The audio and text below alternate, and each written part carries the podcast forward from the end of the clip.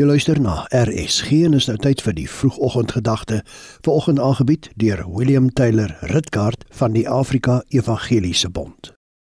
Geloof sy die Here, die God van ons vaders wat so iets in die hart van die koning gegee het om die huis van die Here wat in Jerusalem is te versier en wat my guns laat vind het voor die koning en sy raadsmanne en voor al die magtige vorste van die koning.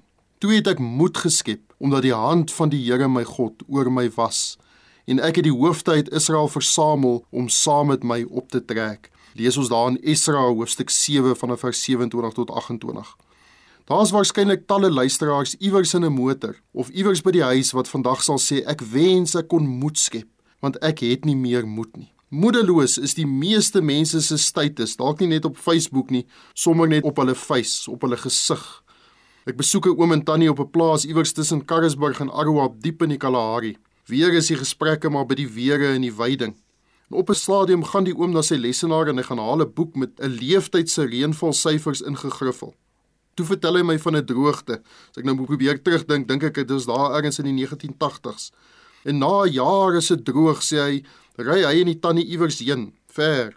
En op pad terug, 'n tyd later, gly gly die bakkie so op die nat pad. Hy sê hoe nader hulle aan die plaas kom, hoe groter die plasse water. Toe hulle by die plaas hek stop, sien hulle net water. Hy sê die tannie het nie uitgeklim soos gewoonlik om die hek oop te maak nie. Hy het net die bakkie afgeskakel en onthou hoe die bakkie geskit het van die snikke. Hulle het moed geskep, vertel hy. So baie smag daarna. En sal nou luister en sê daar's 'n damwal van emosie wat wag om te breek. Ag, as daar net iewers 'n bietjie hoop sou kom.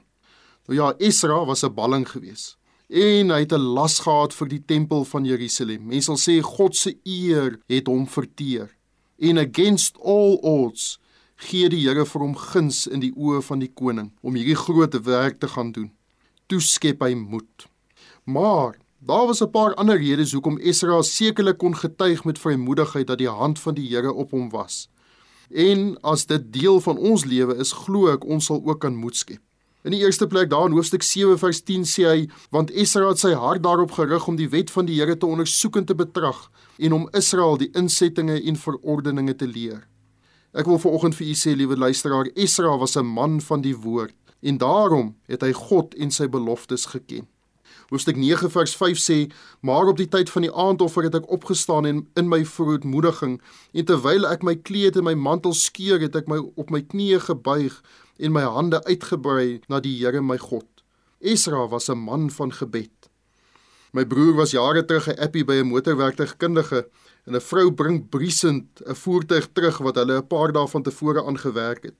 Die groot manne draf daar rond sê hy en hulle doen diagnostics en toetse, maar hulle kry toe nog nie die fout nie. En my broer sê hy hou hulle toe dop en hy vra rukkie later vir een van hulle, "Het julle gekyk of die kar petrol in het?" Hy sê almal was so verleë toe hulle agterkom die kar het nie petrol in nie.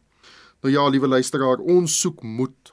Ons wil moed skep, maar miskien moet ons net eers seker maak of die geestelike tank petrol in het. Is ons soos Esra vol van die woord en vol van gebed? Mag ons dan soos hy ook moed skep in die Here ons God. Amen.